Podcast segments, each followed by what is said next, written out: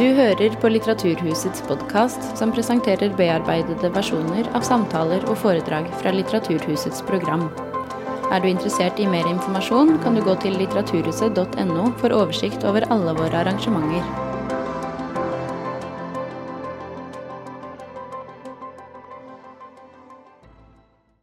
Good day, everyone. Welcome to the House of Literature and to what is the final event in our series on forbidden books. This series has highlighted some common ways in which literature is suppressed, censored, or otherwise forbidden historically and today. So far, we've seen lecturers explore state censorship in Norway and abroad, the rising tide of cancel culture in both left and right wing camps in the USA, and the ongoing and highly topical suppression of comics and cartoons as political speech. Now we focus on another one of censorship's many arms, that of the taboo.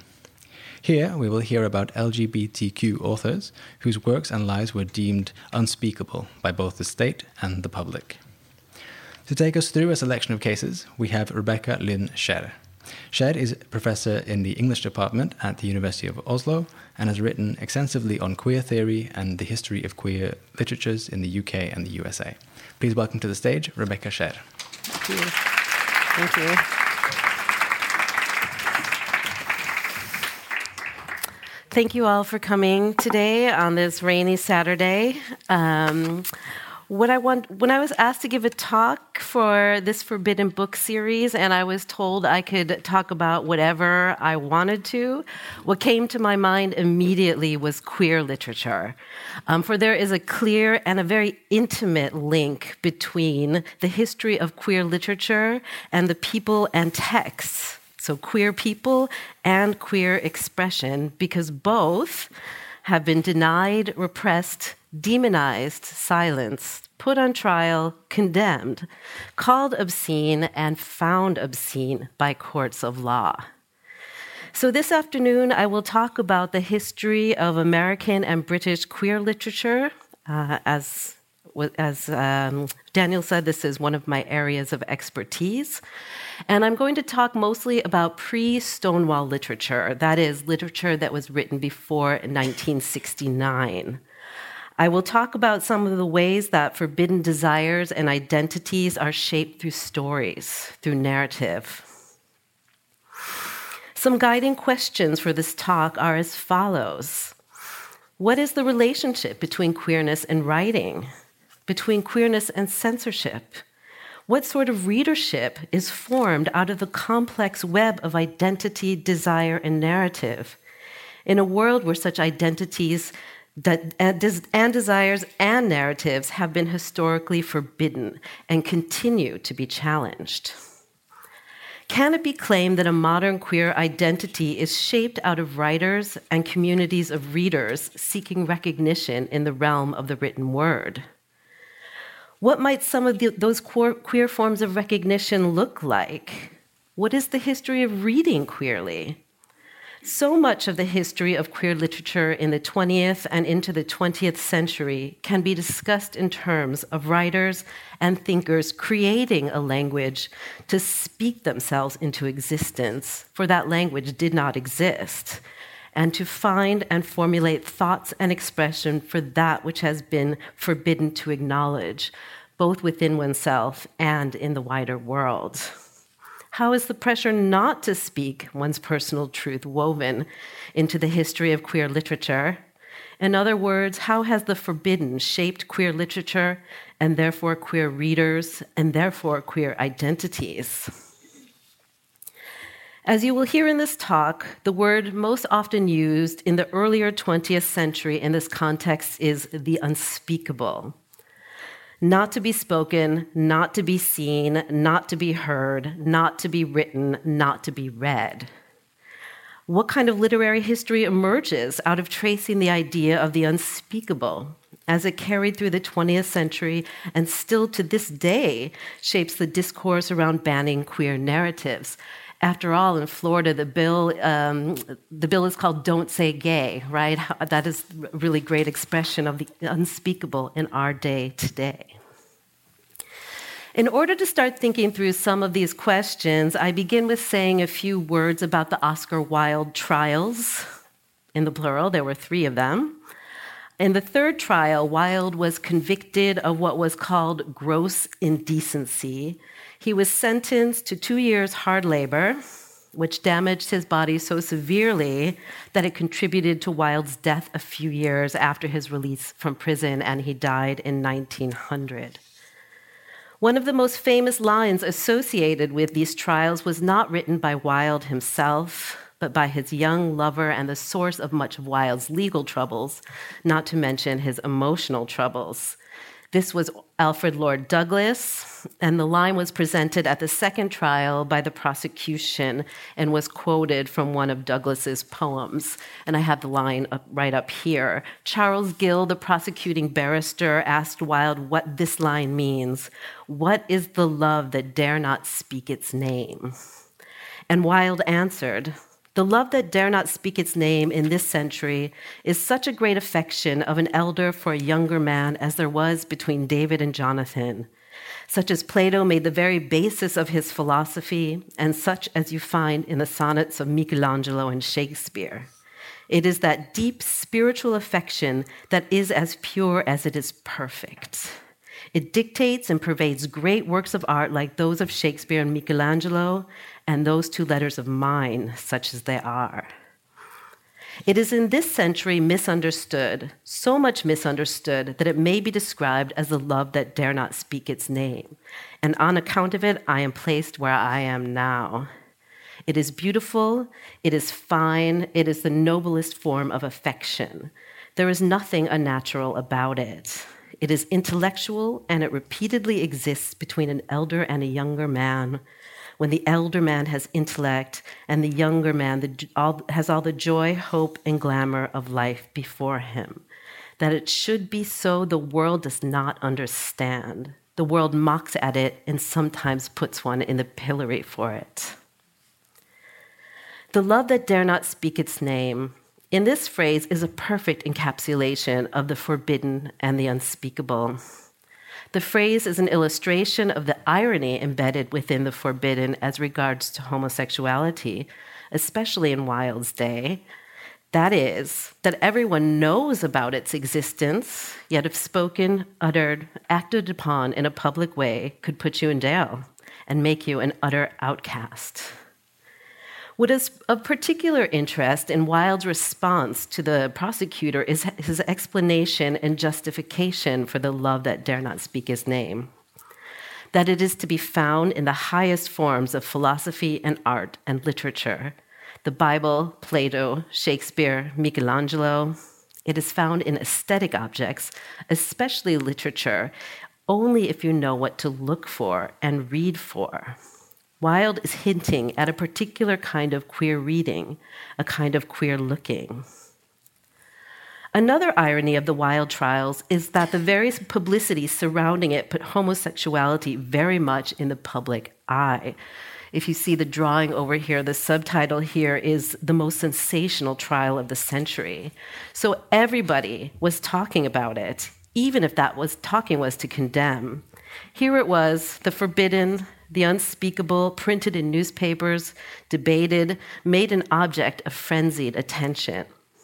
What this does is allow for forbidden information to spread and proliferate. Even if that information is meant to demonize and control queer desire, there it was. Information, once out in the world, as we all know, cannot be controlled. Many queer scholars locate the emergence of a modern gay identity as an effect of the Wilde trials, in combination with contemporaneous and scientific experts on psychology and human sexuality. At the turn of the 20th century, information on so called deviant desires was suddenly appearing both in the popular press with the Wilde trials and in more academic venues. While the intent of both was to control homosexuality through defining it on the side of law as criminal and deviant, uh, on the side of medicine as a disease, nevertheless, there was suddenly a proliferation of literature on this topic. And in this case, that was mostly scientific literature. And queer people read this literature. It was the only thing they could find Even, in the con- even if the content was judgmental and presenting homosexuality as an illness, at least there was something to read about, to hold on to, to start to understand oneself through, and especially to know that there were others out there like you. Many took the, that information and found in it alternative readings, reading queerly, and used those readings to begin building new forms of queer identity. An image was building through the outcome of the Wilde trials and in the academic literature that homosexuality was not something that you do, but something that you are an identity, a sense of inner being. This was a new radical idea and would have profound implications as the 20th century progressed. Questions of identification and rights would eventually emerge from this understanding of a gay identity as something that you are. So now I'm going to turn to a novel, uh, Maurice. Some of you might be familiar with it, or at least the movie uh, version, the Merchant of Ivory version. And yes, that is a young Hugh Grant uh, playing Clive in Maurice. Uh, Maurice was written by E.M. Forster, the eminent modernist writer, author of such well known works as Howard's End, A Room with a View, and A Passage to India. Maurice is a novel about a young man's struggle to understand himself and his queer desires in the England of the early 1900s. It follows the eponymous Maurice's journey towards self understanding through his relationships with two lovers. Maurice was written between 1913 and 1914, but Forster was adamant that it not be published during his lifetime. So it was not until 1971 nearly 60 years later and one year after Forster's death, that the novel finally came out in print. With Maurice, The Forbidden is relevant in two ways. First, on the level of publication and reception, that Forster himself refused to allow the novel to come to print, fearing public condemnation, how it would affect his literary reputation, and fearing legal proceedings, and quite rightly uh, fearing legal censure, as I will discuss with my next literary example. The fact that the novel attempts to carve out a happy ending for Maurice would have been received at the time as absolutely preposterous and perhaps touching even more upon the forbidden than the mention of homosexuality itself. And this will become relevant again when I talk about pulp in a little bit. Uh, one thing Wilde did, quote unquote, right in his life was to die a ruined man very much in line with Wilde's explanation for the love that dare not speak its name, the novel sets up Maurice's early experiences with Clive, his first lover. Um, he places their relationship squarely within the context of the literary and of the Greeks in particular. Uh, as the two young men begin to spend more and more time together while students at Cambridge, an infatuation arises between them. Forster writes about a Greek translation class the two attend together, and here I'll quote briefly from the novel. Towards the end of the term, they touched upon a yet more delicate subject. They attended the dean's translation class, and when one of the men was forging quietly ahead, the dean observed in a flat, toneless voice, omit a reference to the unspeakable vice of the Greeks.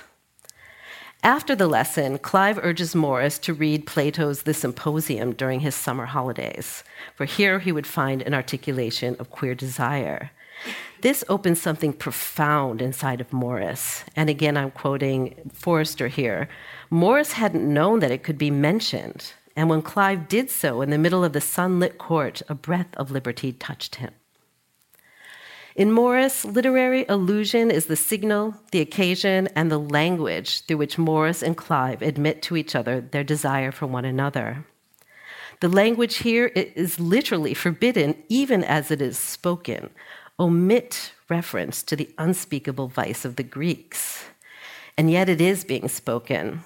The language available to these boys is a literary philosophical language, and they are using the strategies that educated boys in England at the time had been using for decades allusion, hints, names of philosophers, particular books and essays. Read this, and you will know, you will see, you will find yourself if you know how to look, if you know how to read in the right way. Yet the word homosexuality is still not named in Maurice. There does not even appear to be a name for it yet, beyond words of derision.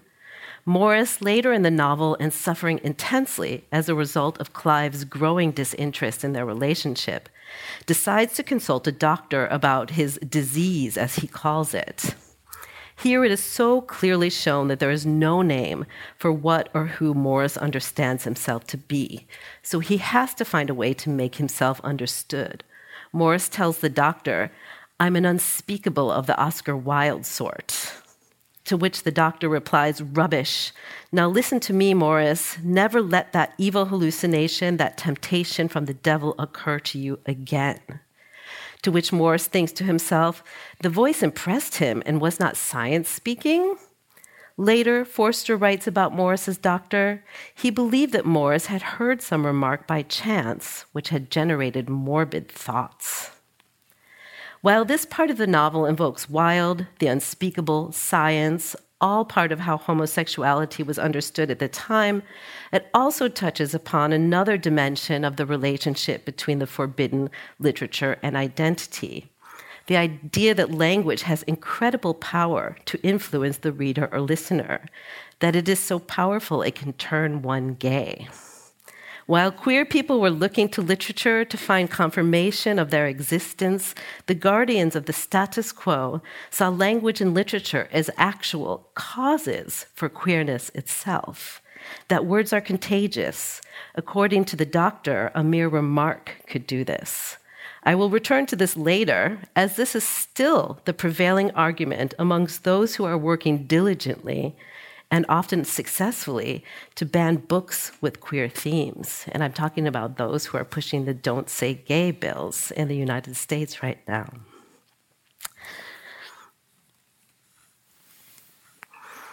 Uh, my next excuse me, my next examples are three novels that were published in 1928 and 1929, two in England, the third in America.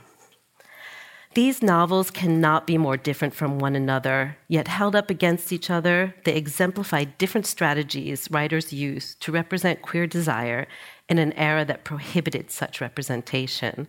And as such, they showcase the various ways that writers sought to maneuver literary language within the limits that policed the boundaries of the speakable and the unspeakable. Forster's strategy was simple write a queer text, shove it in a drawer, bury it. 14 years after Maurice was written, another English author dared to actually publish a novel in which the main character is, without a doubt, queer. And not only that, within the book, the character pleads for understanding and acceptance. I am, of course, referring to Radclyffe Hall's The Well of Loneliness, which came out in 1928 and went on to become one of the very first banned books of our modern era. It centers on the upper class woman Stephen Gordon. So, yes, uh, Radclyffe Hall gives her protagonist a masculine name, and I'll explain a little bit about that in a moment. So, Stephen Gordon, like Maurice, seeks self understanding through her romantic relationships with women. And the novel ends with Stephen praying to God, Give us also the right to our existence. As a result of the ever increasing scientific vocabulary developed in the years since Maurice was written, Hall found a particular word that she used to refer to homosexuality within the novel the invert. The invert is based on the idea of what experts at the time called sexual inversion. This is the idea that a lesbian was a woman with a masculine interiority, this is why Hall gives her protagonist a masculine name, just as a gay man was a man with a feminine inner being. The masculine woman, the feminine man, basic stereotypes, of course, that do not do justice to the many ways of being gay. But in 1928, Hall subscribed very much to this theory. And I think it attests to the notion of homosexuality coming to be understood as a state of being and not just simply what one does. Much has been written about the questionable literary quality of The Well of Loneliness. Virginia Woolf famously panned it, calling it tepid, although she protested its censorship. A literary quality aside, it doesn't matter. The novel became a touchstone and a herald for queer literature that would come uh, in the decades after. It was the very first book to openly represent lesbianism and remain the only one for quite some time. Uh, because of the lesbian content, the Wells publisher was eventually brought to trial under England's obscenity laws, and the book was banned in England, a ban that actually lasted for 30 years. As a side note, although the Wells American publishers were brought to trial on similar obscenity laws, the US judge did not ban the book because he said it lacked sexual explicitness. The other novel, famously banned by the British court system that same year was Lady Chatterley's Lover by D.H. Lawrence. I mention this only because Lawrence's novel is not queer, but is sexually explicit, famously so, and others would argue that it borders on the queer in the sense that it dares to represent a female desire. Uh, at a time when that was not, and female pleasure through sexual desire, which was not seen as something that you published in 1928. What is important to note here is that The Well of Loneliness, despite its plea for lesbian existence, is an incredibly chaste novel with barely any reference to sexual acts at all. This is to say that the representation of queerness itself was what was deemed obscene, just like Wilde was deemed obscene, an entire identity judged to be grossly indecent. Furthermore, regarding the Well of Loneliness's banning, the judge was quite precise in stating that it was the novel's tone regarding queer existence that was the main problem. And I'll quote a summary from the judgment here. But in the present case, there was not one word in the novel that suggested that anyone with the horrible tendencies described was in the least degree blameworthy. All the characters were presented as attractive people and put forward with admiration. Even more serious was that certain acts were described in the most alluring terms.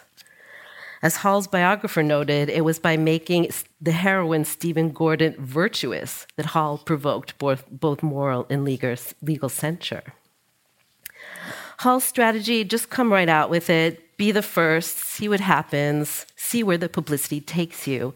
And of course, with a book's banning comes much publicity. Hall's novel put lesbian existence into public consciousness. Like the information on homosexuality that was proliferating in the wake of the Wilde trials, here was a queer book to read, attesting to queer existence even with a ban in place in England, one could get the novel from American and French publishers. And in fact, by the time the trial began, the novel had sold over 100,000 copies in England because of the publicity surrounding the proposed ban. Many lesbians from that era recall the importance of that novel for them. Even those who could not relate to Stephen Gordon's upper class uh, concerns nevertheless found, for the first time in literature, or anywhere really, an earnest examination of lesbian existence. And here are the other two books that I'll briefly talk about Orlando by Virginia Woolf and Passing by Nella Larsen. The same year that saw The Well of Loneliness come out, another novel that engages with lesbian existence was published to accolades, became a bestseller, and was not ever considered a candidate for banning.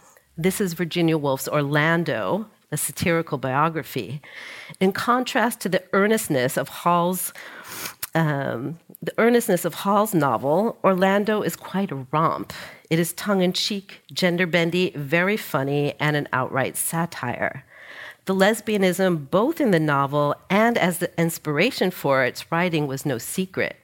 Orlando has been called a long love letter to Woolf's paramour Vita Sackville West and was called so in its own time. Because the character Orlando defies realistic modes of being, living for centuries, born a man, magically transforming into a woman around the turn of the 17th century, and remaining so while continuing to love the same woman, Woolf wrote the character with great wit, using satire and absurdity throughout the novel, and never explicitly mentioning lesbianism. Woolf's strategy Write a lesbian text that does not allow the reader to exactly pinpoint the lesbianism. Use literary language to make everything into one big intellectual joke, a joke that the reader is in on. Hide the queerness in plain sight. This might also be the case, in a way, for Nella Larsen's 1929 American novel, Passing. Although this novel is no satire nor a joke, it is a novel about racial passing, passing as white in 1920s New York.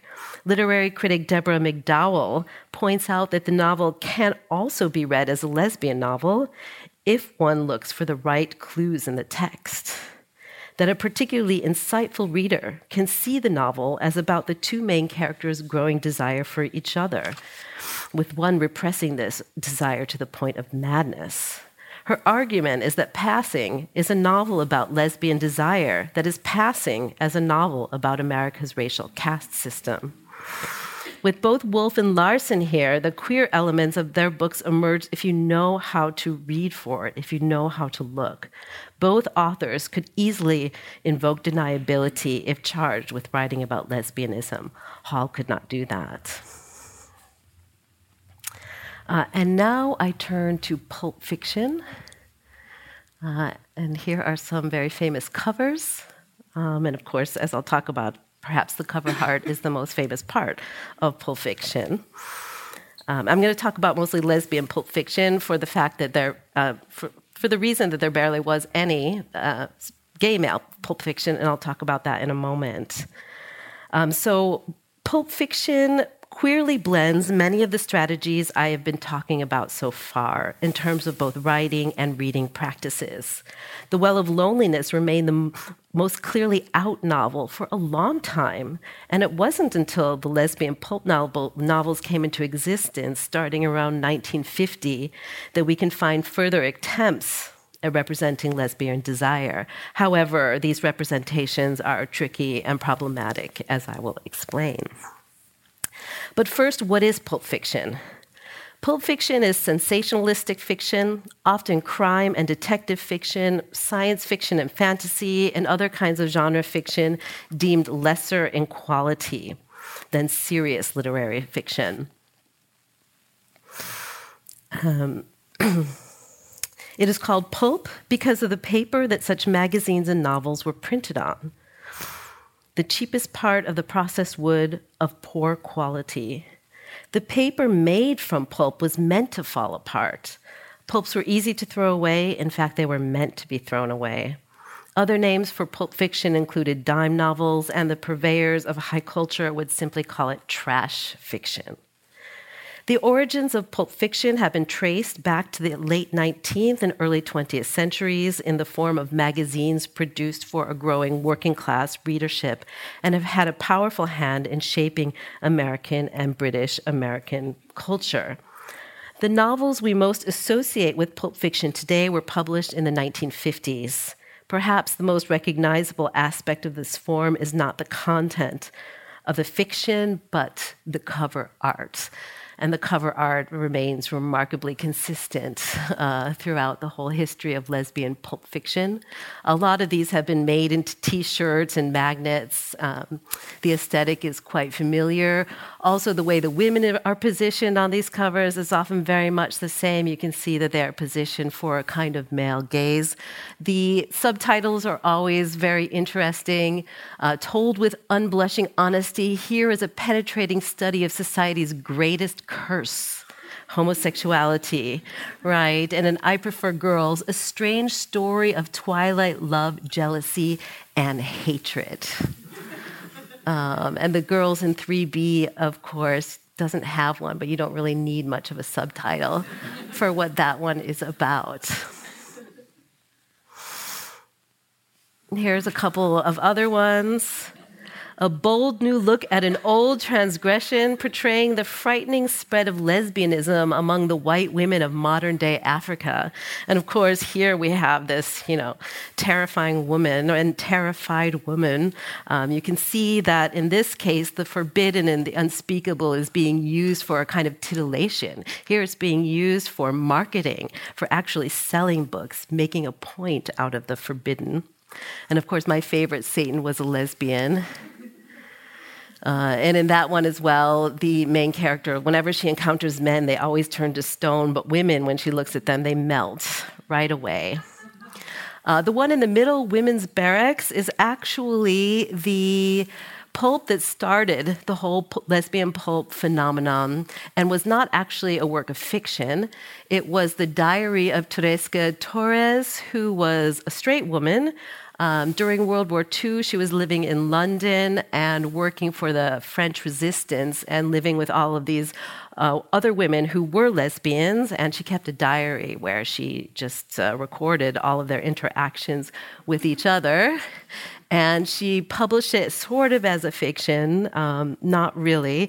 But this is really the novel that uh, it sold a lot of copies, so publishers saw that lesbian pulp was something that readers, mostly male readers, as I'll talk about, were interested in.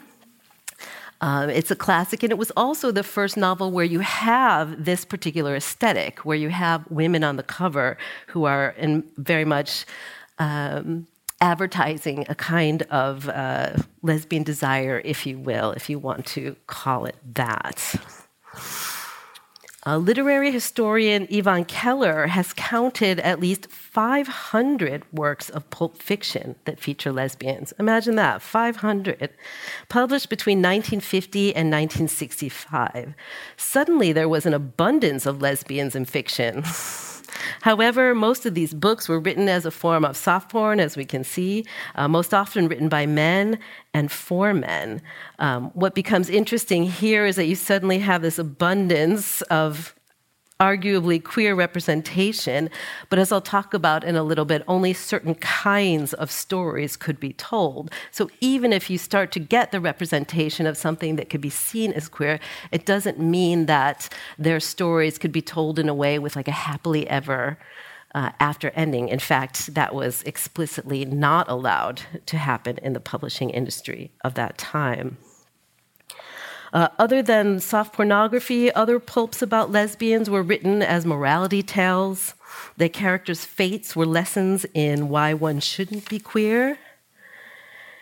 Um, and then what was interesting as well that even more serious, uh, like a more serious lesbian novel like The Price of Salt by Claire Morgan, and I'm sure a lot of you know that Claire Morgan was the pen name for Patricia Highsmith, who wrote um, who wrote The Price of Salt. So she wrote and published this novel in 1952, and it received pretty good reviews.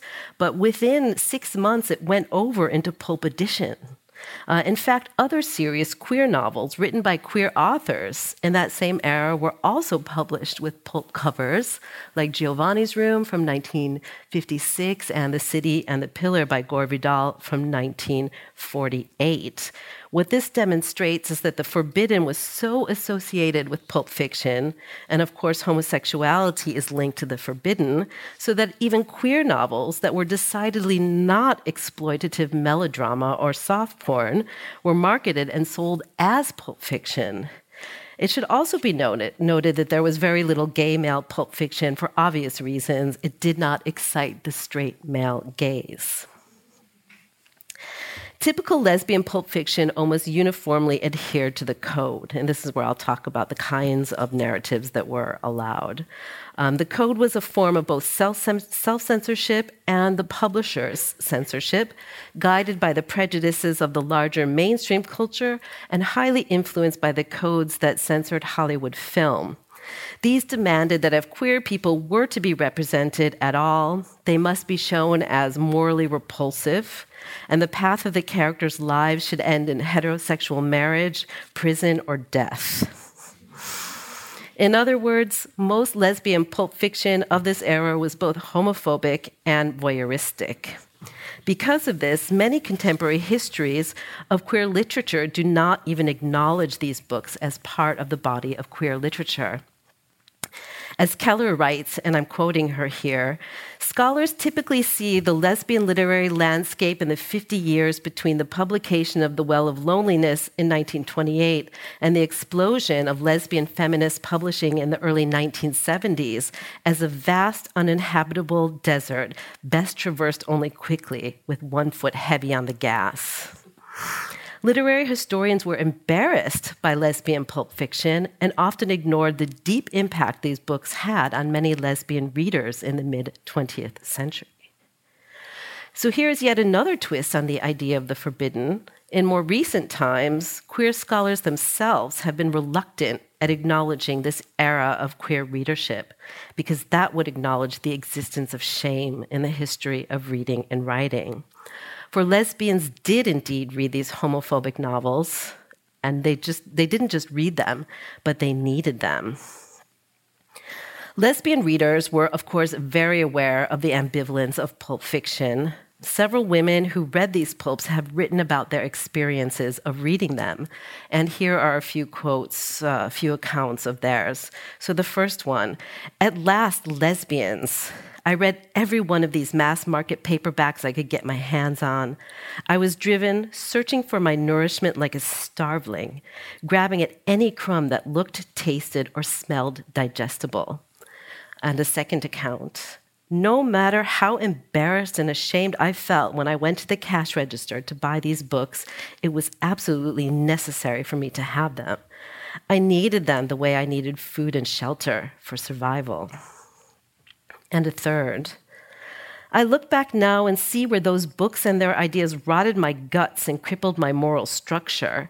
But also, in nothing and nowhere else in the world I lived in could I have seen the possibility of a lesbian happily ever after when I was a teen outside of these pulps. Pulp, like so much popular fiction, was and is associated with shame and guilt, both literary and sexual shame, um, but also with desire and pleasure. And the shame and the desire and pleasure, it, it seems, are deeply intertwined. And both are experienced by readers as intensely physical, evoking both arousal and disgust. disgust. The writer Joan Nestle has a slightly different take on this. Like those I just quoted, she calls lesbian pulp fiction survival literature, and she explains. In their times, they gave some of us something we could not get anywhere else. Finding, buying, and keeping the paperbacks was a political act. Called trash by the literary world and pornography by the commercial world, these books were hidden away on the pulp racks of the more sleazy drugstores. To pick the books out, carry them to the counter, and face the other shoppers and the cashier was often tantamount to a coming out declaration. But all across the country, lesbians were doing it. Our need was greater than our shame. The books became parts of the personal caches of lesbians, lent out only to special friends or to a young woman entering lesbian life. Here's an echo of the symposium in Maurice, as well as a direct illustration of how queer readers consume what narratives are available about queerness and use them in ways they were never intended they be used. Uh, even further, Nestle writes about how she and many others she knew adapted a way of reading that, in her words, she said, she filtered out the framing of the lesbian characters as depressive and self hating. Instead, she chose to view these same characters as sexy rebels, women with bravado, a queer reading practice if there ever was one. There were a few lesbian pulp fiction writers who were queer and who wrote their novels with more of an eye towards representing lesbian existence, although, because of the codes of the time, they nevertheless had to create their characters as self hating and at the end of the story, these characters suffer punishment, like I said, marriage, prison, or death. Uh, yet some of these writers were able to capture something else in their pulps, something a lesbian reader could pick up on a sense of lesbian desire that was not male heterosexual desire, but an articulation of desire all their own. Uh, Vin Packer, the pen name for Marijane Meaker, published the first such lesbian pulp novel, Spring Fire, in 1952, which is the image all the way here uh, on the right. Uh, although this novel ends with the protagonist, Leda, suffering a nervous breakdown and her lover realizing she never actually loved Leda at all. And Meaker, in subsequent later interviews, would always talk about how she would try to write happily ever after endings to her novels, but the publisher would always uh, write her back and say that they couldn't publish it like that. She had to change the ending so that the characters had to suffer. and she talks about all the tears she shed and having to write uh, new endings to her books. Uh, despite Spring Fire's ending, uh, because this was the first one that was really written from the point of view of somebody who actually was queer, after it came out, the publisher was inundated with literally thousands of letters from lesbian readers all over the country expressing how closely they identified with the characters. The publisher understood that here was a profitable market of readers, and while continuing to publish lesbian soft porn by men, quietly included in their roster of writers Packer and another writer, Ann Bannon, uh, Odd Girl Out in the Beebo Brinker Chronicles who wrote a series of books focused on the life of the butch lesbian Beebo Brinker. And Beebo Brinker was well educated, but she worked as an elevator operator because it was the only job she could get where she was allowed to wear trousers. Bannon's tales of Beebo's exploits in Greenwich Village, all of them were centered in Greenwich Village, would draw lesbians from all over the country to New York City. Many would arrive, never having been to New York before, but clutching a copy of Bannon's Odd Girl Out in her hands. So, Pulp Fiction was not only survival literature, but it had the power to begin to create community, to literally move people physically, emotionally, and politically. So, as we see, um, for most of the 20th century, queer literature existed barely at all. It was the subject of legal censorship. Some of it was so coded it was hard to even see that it was queer literature. Uh, or such narratives existed only as homophobic trash fiction. This are, these are in many ways that the unspeakable has, shame, has shaped queer literature and literary history. It is in our lifetimes that queer literature has finally emerged out of the realm of the unspeakable, of the forbidden. It wasn't until the 1970s, in the wake of the civil rights era, black civil rights, the women's movement, and gay liberation, that more openly queer books by queer writers began to be available. This was when Maurice was finally uh, out when it came out in print. And each decade since has seen more and more queer representation in literature. David Bergman claims that literary representation has been of greater importance for gay community, communities than for any other ethnic, national, or religious group. That the imagined spaces readers found in queer literature was crucial in the development of a sense of shared community and culture, in other words, literature has had a profound and powerful hand in shaping queer cultures and identities, in fact, in creating them. Just like Beebo Brinker bringing people to New York City. It is worth dwelling on Bergman's idea for a moment other minority groups, while also finding more and more opportunities for publishing after 1969, already had communities, languages, and traditions to work with. Queer people did not. We had next to nothing, only various forms of the, the forbidden in real life and in narrative. Uh, this is why I always claim that the history of queer literature is about speaking oneself into existence, coming up with ideas and expressions uh, that create queer identity. Uh, as we all know, there are still forces seeking to forbid queer representation, even in an era of queer publishing and visibility. Um, during the AIDS crisis, there was kind of an interesting twist on the role of narrative. Uh, during the AIDS crisis, many men would, who died, their families would not allow their lives or deaths to be spoken. So the, their lives were literally forbidden to be talked about and the ways in which they died, so that narrative uh, in the form of memoirs and other kinds of expression became a kind of compensation, became a way of mourning and memorializing the many, many who died. So, in the face of uh, rejection from their family, literature had the um, the role of literally um, transmitting the histories of gay men.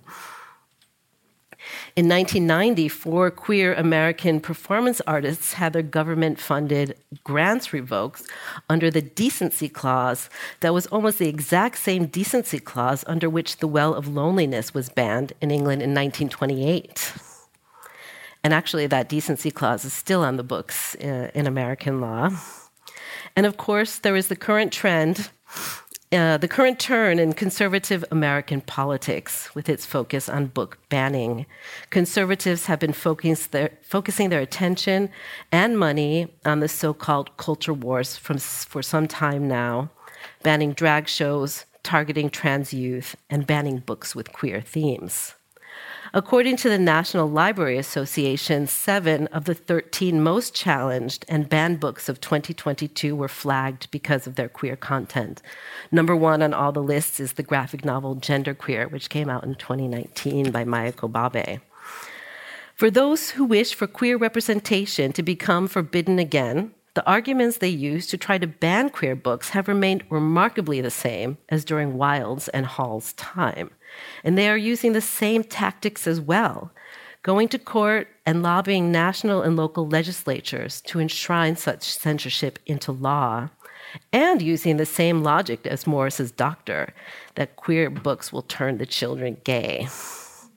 This is to say that there is still a kind of precariousness that informs queer literature it continues to emerge into a literary and political landscape where there exist powerful forces that seek to forbid queer expression and therefore queer communities and queer cultures. Those people and organizations fear the power of queer language and literature, and in a way, they're right, if only in the sense that what their fear recognizes is the real power that is in queer literature. Queer literature, Queer literary expression is powerful, special, unique. It creates community, identity, and culture, and is doing so as I stand here and talk. Writers and readers of queer literature have had to reshape, imagine, reimagine, ignore, destroy, forget, move stealthily around the forbidden and the unspeakable for a very, very long time. So much so that the forbidden is intricately woven into queer literature um, the forbidden leaving both its legible and indelible marks. Thank you.